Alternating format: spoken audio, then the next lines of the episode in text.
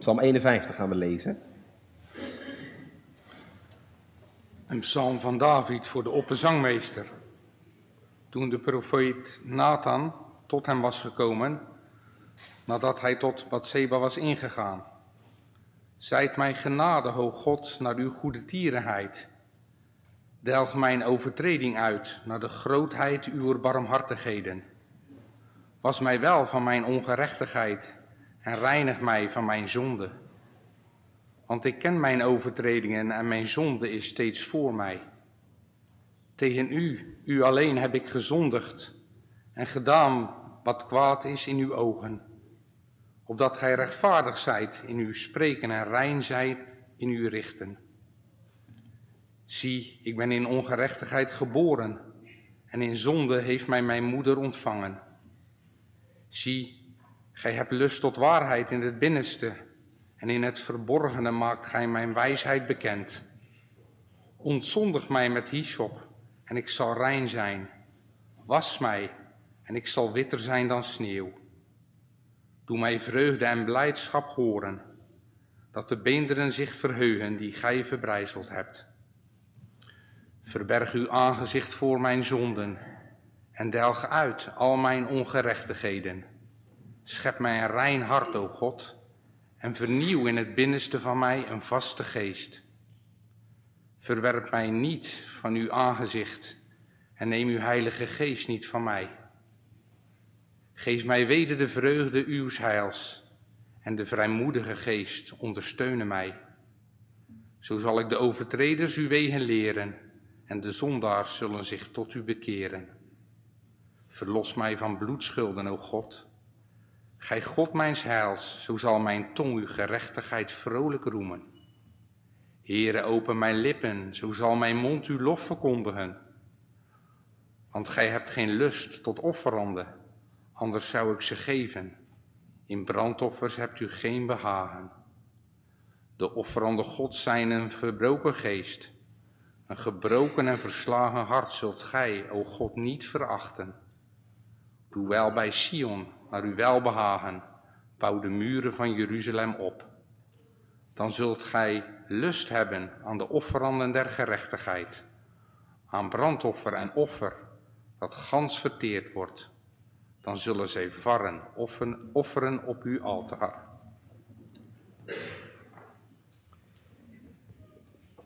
Gemeente, de tekst waar we met de hulp van de Heer een ogenblik zometeen bij willen stilstaan, kunt u vinden in vers 14 van het u voorgelezen schriftgedeelte.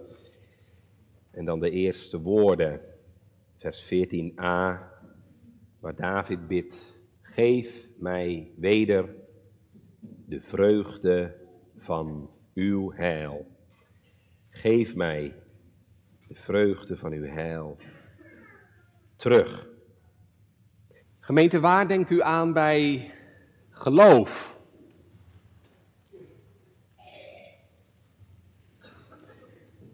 Ik denk zomaar, gemeente, dat velen van ons al snel zullen zeggen: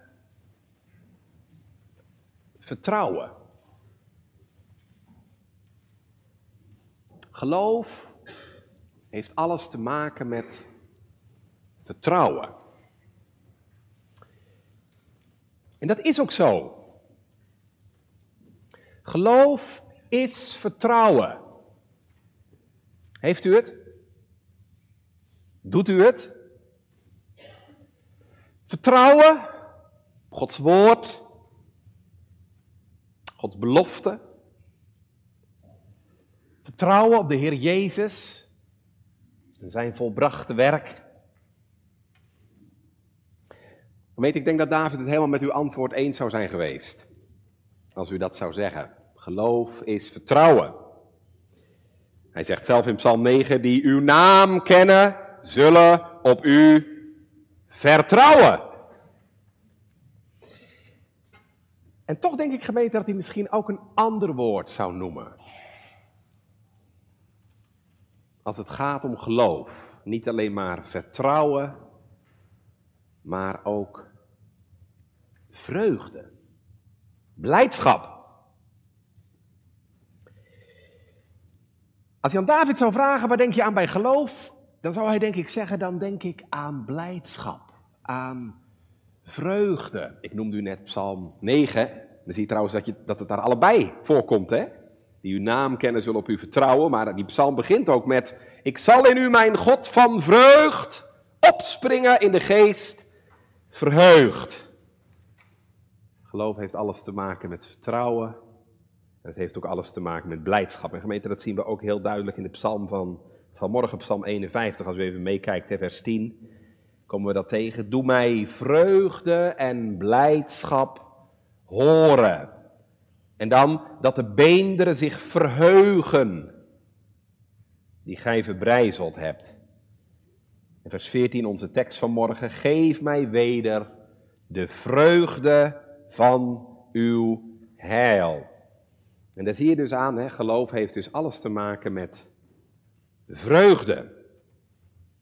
Sterker nog, ik denk dat je wel kunt zeggen, geloof is vreugde. Geloof is vreugde. Want de Heere wil dat wij ons in Hem verblijden. Paulus zegt, verblijd u in de Heere te alle tijd. dus als je de Heere mag kennen, gaat het erom dat je je ook in Hem verblijdt. Verblijd u in de Heere te alle tijd, in wie Hij is, in wat Hij gedaan heeft, in wat Hij je geven en schenken wil, in alles wat Hij voor je zijn wil. En u bidt David in onze tekst, geef mij weder de vreugde van uw heil. Zoals hij het ook natuurlijk mag vertalen in wat hedendaagse Nederlands, de HSV doet dat. Geef mij de vreugde van uw heil terug. Terug. Hij was het dus kwijt. Nou, wij hebben vorige week gehoord hoe dat kwam, hè? dat hij het kwijt was, die blijdschap, die vreugde. Want David koos voor de vreugde van de zonde. Hij koos voor de kortstondige genieting van de zonde. Maar we zagen vorige week, daar betaal je altijd een hele hoge prijs voor. Want daarmee raakte David zijn vreugde in God kwijt. Nou, we hebben gelukkig vorige week gezien hè, dat dat niet zo gebleven is in Davids leven. En toen Nathan kwam, is David tot inkeer gekomen. Hij is zijn zonde gaan zien. En hij beleidt in vers 5, ik ken mijn overtredingen. En wat heeft hij daar diep berouw over gehad, gemeente, over die overtredingen? Zijn schuld beleden tegen de Here, vers 6, tegen u. U alleen heb ik gezondigd en gedaan wat kwaad was in uw oog. Hij heeft beleden, ook in vers 6, hè, dat de Heer rechtvaardig zou zijn als hij hem zou straffen en oordelen. Maar David heeft ook gebeden en gesmeekt of God hem genadig wil zijn. Zo begint hij de psalm ook, hè, vers 3. Wees mij genadig, o God, naar uw goedertierenheid. Delg mijn overtreding uit naar de grootheid van uw barmhartigheden. Wat bedoelt hij daarmee als die bid, wees mij genadig? Nou, daar wil ik graag even met u naar kijken. Ik kan er natuurlijk vanmorgen niet uitvoerig bij stilstaan. Ik stip het alleen maar even aan wat David bedoelt als hij bidt dat God hem genadig is. Ik denk drie dingen. Um, dat betekent in de eerste plaats, gemeente, als David bidt, wees mij genadig, dan bidt hij om reiniging en vergeving. Kijkt u even mee, vers 9 en vers 11, daar zie je dat, hè? Vers 9. Ontzondig mij met hyssop en ik zal rein zijn. Was mij en ik zal witter zijn dan sneeuw. Vers 11 nog een keer. Hè. Verberg uw aangezicht van mijn zonde en delg uit al mijn ongerechtigheden. Dus Heere, wilt u mijn leven, wat zo bevlekt is door de zonde, door dat overspel en door die moord hè, die David gearrangeerd heeft, Wilt u mijn leven reinigen en schoonmaken door mijn zonden te vergeven? Dus als David bidt om genade, dan vraagt hij om reiniging en vergeving. Waar hij ook om vraagt, dat is de tweede gemeente, hij vraagt God ook om een rein hart. David beseft, alleen reiniging is niet voldoende. Ik heb ook een rein hart nodig. Waarom zondigde David? Waarom kwam hij tot overspel en moord? Gemeente heel eenvoudig omdat zijn hart niet deugde. Net zo goed als jouw en mijn hart niet deugt. Laten we dat nooit vergeten. Ik heb dat vorige week ook proberen duidelijk te maken. Ons diepste probleem, dat zijn niet allereerst de zonden die we doen, maar ons allerdiepste probleem als mens is ons hart. Ons zondige hart, dat, dat niet op God is gericht, maar op, op zichzelf.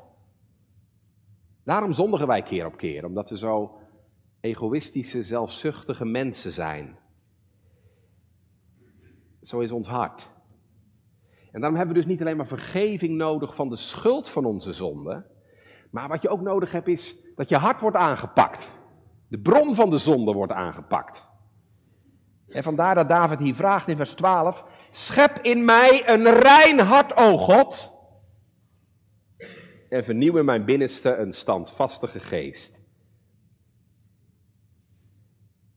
Hij bidt om reiniging en vergeving van zijn zonde. Hij bidt om een rein hart.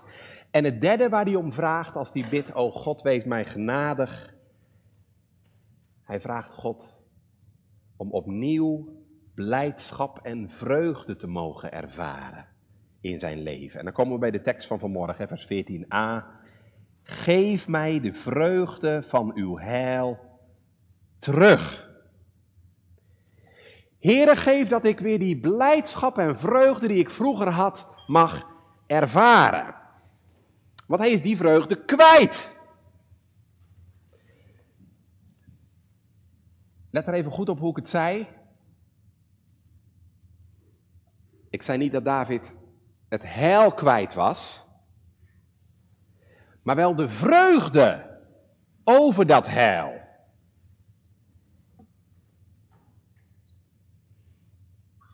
Kijk, het heil, gemeente, Gods genade, dat kun je gelukkig niet kwijtraken. We weten allemaal, David als een kind van God.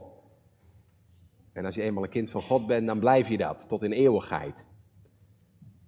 Want de Heer Jezus zegt, ik geef mijn schapen het eeuwige leven. Ze zullen niet verloren gaan en niemand zal ze uit mijn hand rukken. Het heil kun je niet kwijtraken. Wat je wel kunt kwijtraken, gemeente, is de blijdschap en de vreugde over het heil.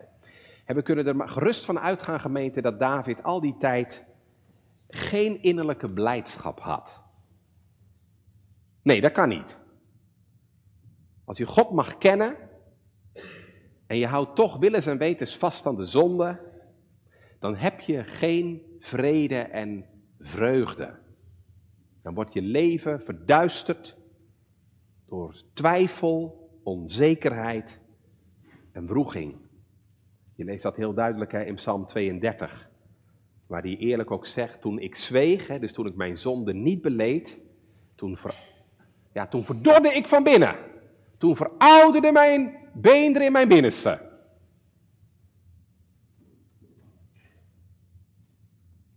Maar nu David berouw heeft gekregen over zijn zonde, verlangt hij weer terug naar die vreugde.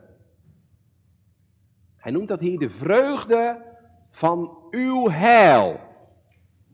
Wat betekent dat? De vreugde van uw heil. Wat is heil eigenlijk? Nou, ik kan het heel moeilijk zeggen, gemeente, dat ga ik niet doen. Ik ga het vanmorgen heel eenvoudig zeggen. Heil, dat is in de Bijbel alles wat de Heere voor een mens wil zijn. Heil is alles wat de Heere voor een mens wil zijn. dat kan de ene keer vergeving zijn als je gezondigd hebt. Het kan troost zijn als je verdriet hebt. Het kan kracht zijn als je je zwak voelt. Maar heil betekent alles wat de Heere voor je wil zijn in jouw omstandigheden. In je nood, je verdriet, je angst, je ellende, je berouw. En dat heil, dat maakt je dus blij. Ja, als je ervaart dat de Heer vergeving schenkt als jij je zonde beleidt, dan geeft dat blijdschap. Als je ervaart dat de Heer je opbeurt als je je zwak voelt, dan geeft dat blijdschap. Dat heil van God, gemeente, dat geeft blijdschap. En die blijdschap, gemeente, dat is niet alleen maar iets voor straks, voor de hemel of zo. Nee, dat is iets wat een kind van God nu al ervaren kan, nu al ervaren mag onze catechisme zegt dat zo mooi in zondag 22. dat ik nu reeds het beginsel van de eeuwige vreugde in mijn hart gevoel. Er zijn dus in het christenleven momenten dat je geraakt wordt, vervuld wordt met diepe blijdschap. Ik hoop dat u daarover mee kunt praten. Want daar leert elke christen iets van kennen, van die blijdschap in de Here. De Here geeft zicht op zichzelf. En dan ga je zien, zoals we dat net gezongen hebben in Psalm 97, dan ga je zien, Gods vriendelijk aangezicht heeft vrolijkheid en licht voor alle oprechte harten. Daar zal de een misschien meer van zien dan de ander. Maar ik ben er diep van overtuigd, elke christen leert iets kennen van die blijdschap. Die blijdschap dat de Heer jouw genade bewijst. De blijdschap dat de Heer u zonde vergeeft. De blijdschap dat de Heilige Geest in je hart woont. Het is niet voor niks in Handelingen 2 in de eerste gemeente, als de Heilige Geest werkt en is uitgestort, dat zij zich verheugden met blijdschap van hart. Ja, maar de Heilige Geest komt, daar komt hij met zijn heil en dan komt hij ook met zijn blijdschap. En als je dat niet kent, dan ben je geen christen. Het is heel simpel, gemeente. Zolang je God niet kent, niet echt kent, zul je altijd je vreugde en blijdschap ergens anders zoeken. Dat kan voetbal zijn, dat kunnen postzegels zijn, dat kan muziek zijn, dat kunnen relaties zijn, maar je zult altijd die blijdschap in andere dingen zoeken. De dingen die het leven je te bieden heeft. Maar als je God kent, dan richt de Heilige Geest je hart op Hem en dan komt er een verlangen naar de Here en Zijn heil. Ja, en als je dan die vreugde mist, zoals David hier, dan voelt dat, gemeente, dan voelt dat als honger. Dan knaagt het van binnen. Misschien herkent u dat wel vanmorgen. Je vanmorgen moet zeggen, ja, ik heb, ik heb betere tijden gekend in mijn leven. Ik heb betere tijden gekend, tijden dat de Heer dichtbij was. Dat ik wandelde in het licht. Dat het woord van God me zo aansprak. Tijden dat ik uitkeek en uitzag naar het avondmaal. Maar nu lijkt het wel zo anders. Het lijkt zo ver weg. Ik wil niet zeggen dat je het heil kwijt bent. Denk aan wat ik net zei. want Gods genade, Gods vergeving en je kindschap, dat kun je niet kwijtraken. Maar het kan wel zijn dat je de vreugde daarover, de vreugde van het heil, kwijt bent. En dan wordt het dof en vlak in je leven. Dan mis je die diepe vreugde en blijdschap in de Heer. Maak dan dit gebed vanmorgen tot uw gebed. Bid het dan maar mee met David. Heere, geef mij weder de vreugde van uw heil. Want gemeente, dat kan. Dat heeft David gelukkig ook mogen ervaren, dat de Heer weer met zijn blijdschap en vreugde terugkwam in zijn leven. Want God is van harte bereid om die vreugde te geven. Als jij die vreugde mist in je leven, dan kunnen we meestal niet de Heer daarvan de schuld geven, gemeente. Dan moeten we meestal onszelf daarvan de schuld geven. De Heer is van harte bereid om ons in die vreugde te laten delen. Ik denk vanmorgen hier aan het avondmaal. Waar gaat het over in het avondmaal? Nou, in het avondmaal, gemeente, gaat het over dat heil van God. Waar ik het net over had. In het avondmaal gaat het over het heil van God, over zijn vergeving en genade en vrede die de Heere wil geven. En in het avondmaal wil de Heere het geloof versterken. In het avondmaal wil de Heere je opnieuw verzekeren. Ik ben de Heere, uw God. Wil Hij je verzekeren dat Hij je getrouwe God en Vader is.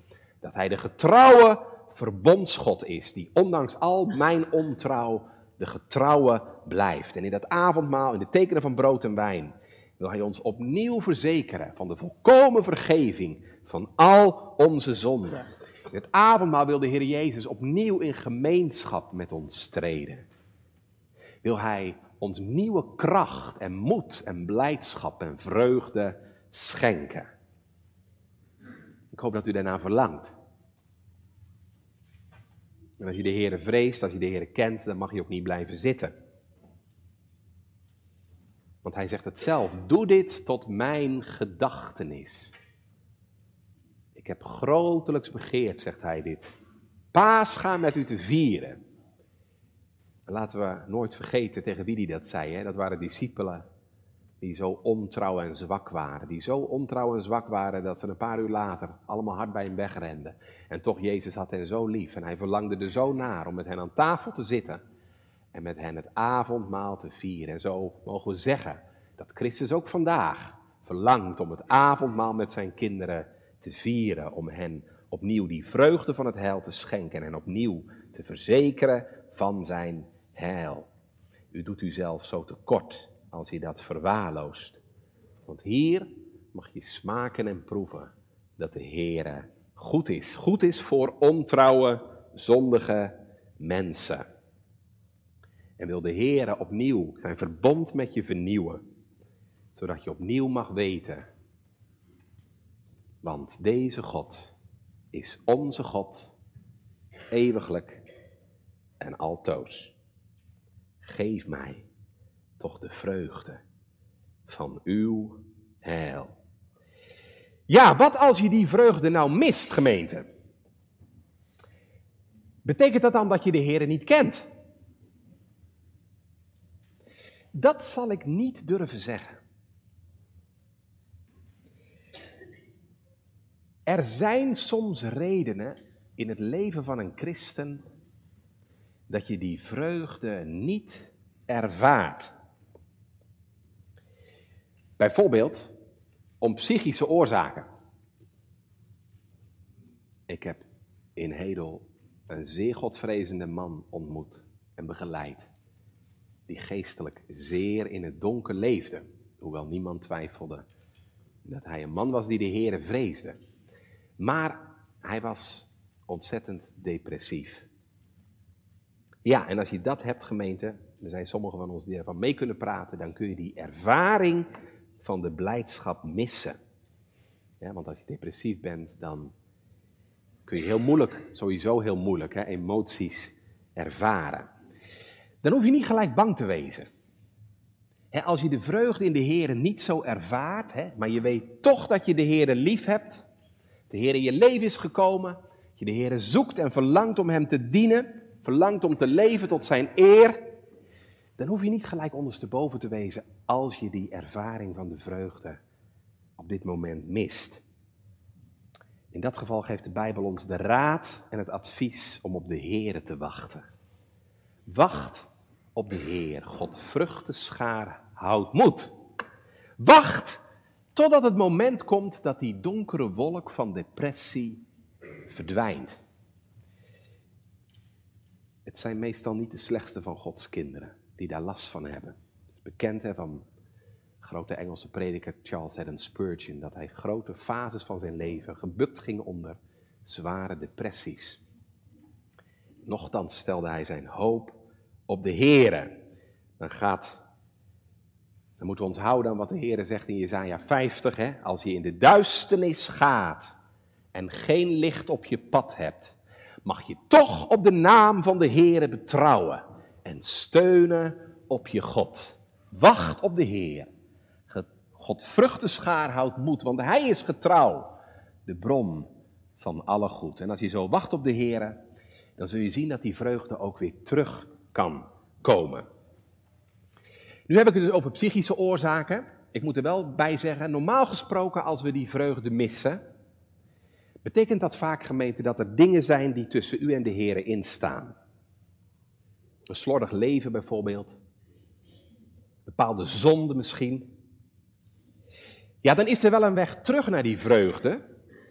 Maar dan heeft u eerst vergeving nodig. En inkeer, net als David. Dan moet je net als David eerst je zonde en je schuld beleiden en loslaten. En bidden, was mij, o Heere. Dus de vraag is vanmorgen aan ons allemaal, kent u Vreugde in God. Ja, als je dat nou niet kent, gemeente, betekent dat altijd twee dingen. Betekent of je kent de Heer helemaal niet, of je kent hem wel, maar je bent bij hem weggedwaald. Dan hoop ik zo dat deze dag, deze avondmaal zondag, vandaag een moment van inkeer mag zijn. Een dag van bekering. dat als u de Heer nog niet kent vanmorgen, dat je er vandaag, vanaf vandaag mee stopt om je vreugde en blijdschap ergens anders te zoeken. Want geloof me, waar je het ook zoekt, waar je de blijdschap ook zoekt, het zal nooit die knagende honger in je hart wegnemen. Dat kan echt alleen de Heer. Onrustig is ons hart, totdat het rust vindt in God. Je kunt veel beter je vreugde en blijdschap in de Heer gaan zoeken. Dat mag. Hij zegt het zelf. Zoek de Heer en leef. En als u de Heer kent en toch die blijdschap mist, dan zou ik tegen u willen zeggen: doe weg. Doe weg dan wat die vreugde in de weg staat. Veel kinderen van God, gemeente, helaas, veel kinderen van God leven vaak niet in de vreugde van het geloof. We leven vaak schraal, arm en ondermaats. Terwijl dat niet hoeft. Want de Heer wil dat we ons in Hem verblijden. Verblijd u in de Heer te alle tijd. En laten we ons dan bekeren van die neiging, want daar hebben Gods kinderen net zo goed last van. Laten we ons bekeren van de neiging om telkens weer je vreugde buiten God te zoeken. Zoek je vreugde in de Heer. Want weet je gemeente, dat zorgt altijd voor twee dingen. Je vreugde in de Heer zoek is aan de ene kant een machtige waarborg tegen de zonde. En het zorgt aan de andere kant ook voor veel zegen. Je vreugde in de Heer zoeken gemeente is altijd een waarborg tegen de zonde. Want weet je, als de vreugde van de Heer in je hart leeft, dan leeft u voorzichtig. Dan schuw je de zonde. Want dan wil je graag die vrede met God bewaren. Dan wil je graag die blijdschap in je hart bewaren. En het tweede gemeente, zorgt er ook voor dat je vrijmoedig mag zijn. Als u vol bent van de Heer, als u vol bent van de vreugde in de Heer, dan is het niet moeilijk om goed over God te spreken. zegt David ook in vers 15. Dan zal ik de overtreders uw wegen leren. Hij was zo vol van de Heer en van zijn genade, dat hij andere mensen vertelde hoe goed de Heer was. We gaan eindigen met de dienst van het woord. Zometeen wordt de tafel geopend. Tafel van het heilig avondmaal. En waar gaat het hier om? Waar gaat het om in het avondmaal? Dat weet u allemaal. In het avondmaal draait het om Jezus. In het avondmaal gaat het om de Heer Jezus Christus. En dan mogen we vanmorgen zeggen, gemeente, het is door Hem alleen dat de weg naar de blijdschap en de vreugde weer open ligt. Als wij bidden, geef mij weder de vreugde van uw heil. Betekent dat, nieuwtestamentisch gezegd, dat we bidden om Jezus. Geef mij Jezus. Bidden om vreugde van het heil is niets anders gemeente dan bidden om Jezus. Waarom? Want Jezus is het heil van God. Dat laat zijn naam alleen al zien. Want wat betekent de naam Jezus? Jezus betekent redding. Heil. Het is in het Hebreeuws gemeente zelfs bijna hetzelfde. Yesha, heil, en Yeshua, Jezus. Hij is het heil van God. Want Hij geeft heil. En Hij geeft vreugde. En als u vraagt wanneer kun je aan het avondmaal, dan kunnen we heel veel vragen stellen om onszelf op te beproeven. Dan zou ik vanmorgen deze vraag aan u willen stellen. Is Hij uw hoogste blijdschap geworden? Is dat ook uw verlangen? Wat David hier bidt, geef mij weder de vreugde van uw heil. Of nieuwtestamentisch gezegd, Heere, geef mij Jezus. Als dat uw gebed en verlangen is, kom dan. En neem hem met een gelovig hart opnieuw aan. Hem, die voor u bedroefd is geweest tot in de dood. Opdat u vreugde op vreugde zult hebben. Wat is de naam van Jezus zoet? Voor een gelovig hart.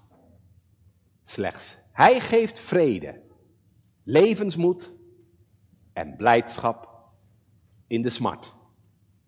Amen.